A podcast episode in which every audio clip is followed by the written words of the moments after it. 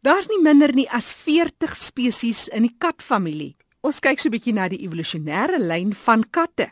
Jagluiperds byvoorbeeld. Se oorsprong was in Amerika, maar die spesies het heeltemal uitgesterf in Noord-Amerika. Ek gesels met Vincent van der Merwe, hy's van die Karnivore Bewaringsprogram, dis by die Trust vir Bedreigde Natuurlewe. En Vincent vertel ons meer oor hulle Karnivore Bewaringsprogram.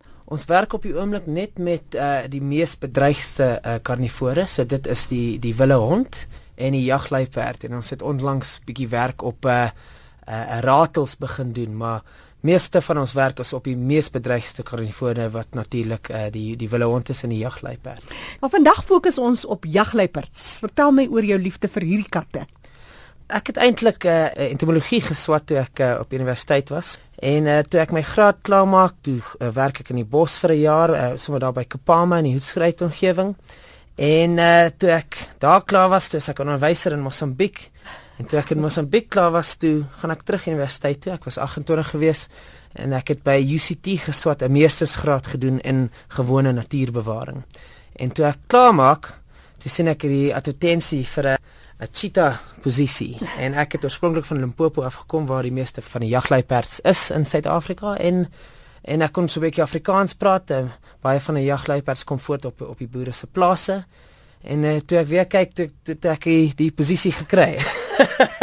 Wonderlik. so, so ek het glad nie uh, jagluiperde uh, gestudeer toe ek 'n student was. Maar as jy nou kyk na waar jy vandag staan in daai beginjare, dan is daar seker al so baie wat jy weet omtrent hierdie katte. Dis ook waar. Dit het seker begin toe ek so 8 jaar oud was, het ek daai uh, boeke gelees deur Joy Adamson. Ek dink baie van die lesenaars sal weet van daai 'n uh, fliek Born Free. Ek het mm. dit gekyk en dis waar ek 'n uh, liefde gekry het vir die natuur. Ek het ook in uh, Magubus Kloof groot geword, so ek het uh, op 'n plaas groot geword en van kleins af het ek geweet ek ek gaan in in, in hierdie bedryf in. Nou as 'n mens spesifiek kyk na die jagluiperd, dan val dit eintlik maar onder die sambreel van die katfamilie. Vertel ons meer. Dis reg ja. Vandag is daar oor die 40 spesies kat en hulle het eintlik in Suidoos-Asië geëvolueer. Die oorspronklike kat het daar uh, geëvolueer en uh, dis baie interessant. Uh, hulle het in twee rigtings geloop. Uh, die tierboskatte en die rooi katte het oos gestap en in Afrika ingebeweeg en die jagluiperds het eintlik wes gestap. Hulle het meer uh, uh, Amerika aangegaan. Hulle daar die die Bering landbrug tussen Rusland en Alaska gebruik in 'n 'n warmer uh, era het hulle oor daai landbrug uh, gestap en wat baie min mense weet is jagluiperd het eintlik in Noord-Amerika geëvolueer. Daar het hulle vir so 7 6 of 7 miljoen jaar uh, gebly en dis baie interessant die tweede vinnigste landsoogdier in die wêreld is die pranghond. Dit lyk baie soos 'n springbok en hulle bereik uh, snelhede van so amper 100 km/h en daai snelhede was 'n uh, reaksie op die druk van jagluiperd predasie in Noord-Amerika. En niemand weet hoekom jagluiperde um, uitgesterf het in Noord-Amerika, maar wat ons wel weet is as 'n spesies meer gespesialiseerd word, dan word daai risiko van uitsterwing al hoe groter. Maar ons weet voordat hulle uitgesterf het in Noord-Amerika, het hulle terug oor daai uh, Bering landbrug gestap, terug in uh, uh, Asië en Europa in. En daar was tussen uh, 3 en, en 1 miljoen jaar terug ten minste twee spesies jagluiperde wat in Europa voorgekom het. En een van hulle was die sogenaamde reuse jagluiperd wat min of meer 120 kg geweg het, amper dieselfde uh, uh, weight as 'n 'n wyfie leeu. Hulle het ook ongelukkig uitgesterf in Europa, maar net voordat hulle uitgesterf het, het hulle terug, wel het hulle in Afrika in, in, in beweeg oor die Sinai skiereiland. En uh, hulle was nie, nou die afgelope miljoen jaar in Afrika. Vincent, dis nou interessant. So reg aan die begin praat jy van die tierboskat, maar watter kat sou jy nou vergelyk met daai oorspronklike gene en die afstammeling of die oerouers van die van die jagluiperd? Die naaste lewende kat aan 'n 'n jagluiperd is eintlik die puma in Noord-Amerika en die pumas en jagluiperde het omtrent so 'n 3 miljoen jaar afgestig van mekaar af. As jy 'n bietjie na 'n puma kyk, sal jy sien hy's hy is hy lyk min of meer soos 'n jagluiperd. Hy's nie regtig vir spoed gebou nie, maar uh, hulle is die naaste lewende kat aan 'n jagluiperd. Leeu's byvoorbeeld is meer verwant aan 'n uh, uh, jaguars in Suid-Amerika en die tiere is is meer verwant aan sneeuluiperde in in die Himalajas. En die luiperd self, jy praat van die jagluiperd teenoor die luiperd. Dis reg ja, die, die luiperd staan bietjie op sy eie. Hy is nogal naby aan 'n leeu's uh jaguars mm. en tiere. So hy sit so bietjie tussen hulle almal. Hy's nie verwant aan 'n baie naby verwant aan 'n spesifieke 'n spesifieke kat nie. En die huiskat, waar plaas jy hulle? Die huiskat is eintlik dis baie interessant. Die gemeenskaplike voorouer van die huiskat is die Vaalboskat wat so 10000 jaar terug gedomestikeer is in Egipte.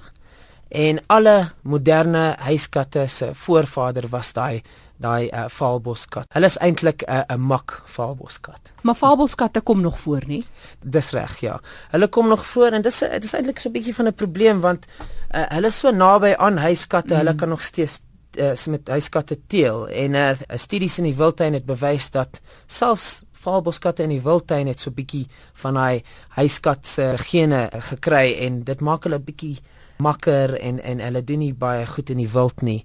So dis iets wat ons regtig wil keer en, en ongelukkig gebeur dit nou met jagluiperde ook want ons het omtrent so 500 gehokte jagluiperde in Suid-Afrika en daai jagluiperde het amper niks 'n uh, eh, bewaringswaarde. O. Want hulle is sagte jagluiperde. Hulle sal sukkel om prooi te vang. Hulle ken nie vir leeu's nie. Hulle ken nie vir luiperde nie. Mense kan hulle probeer uh, om om terug te, in die wild te sit, maar die veeartskoste is is net te veel. Mm, ehm um, mm.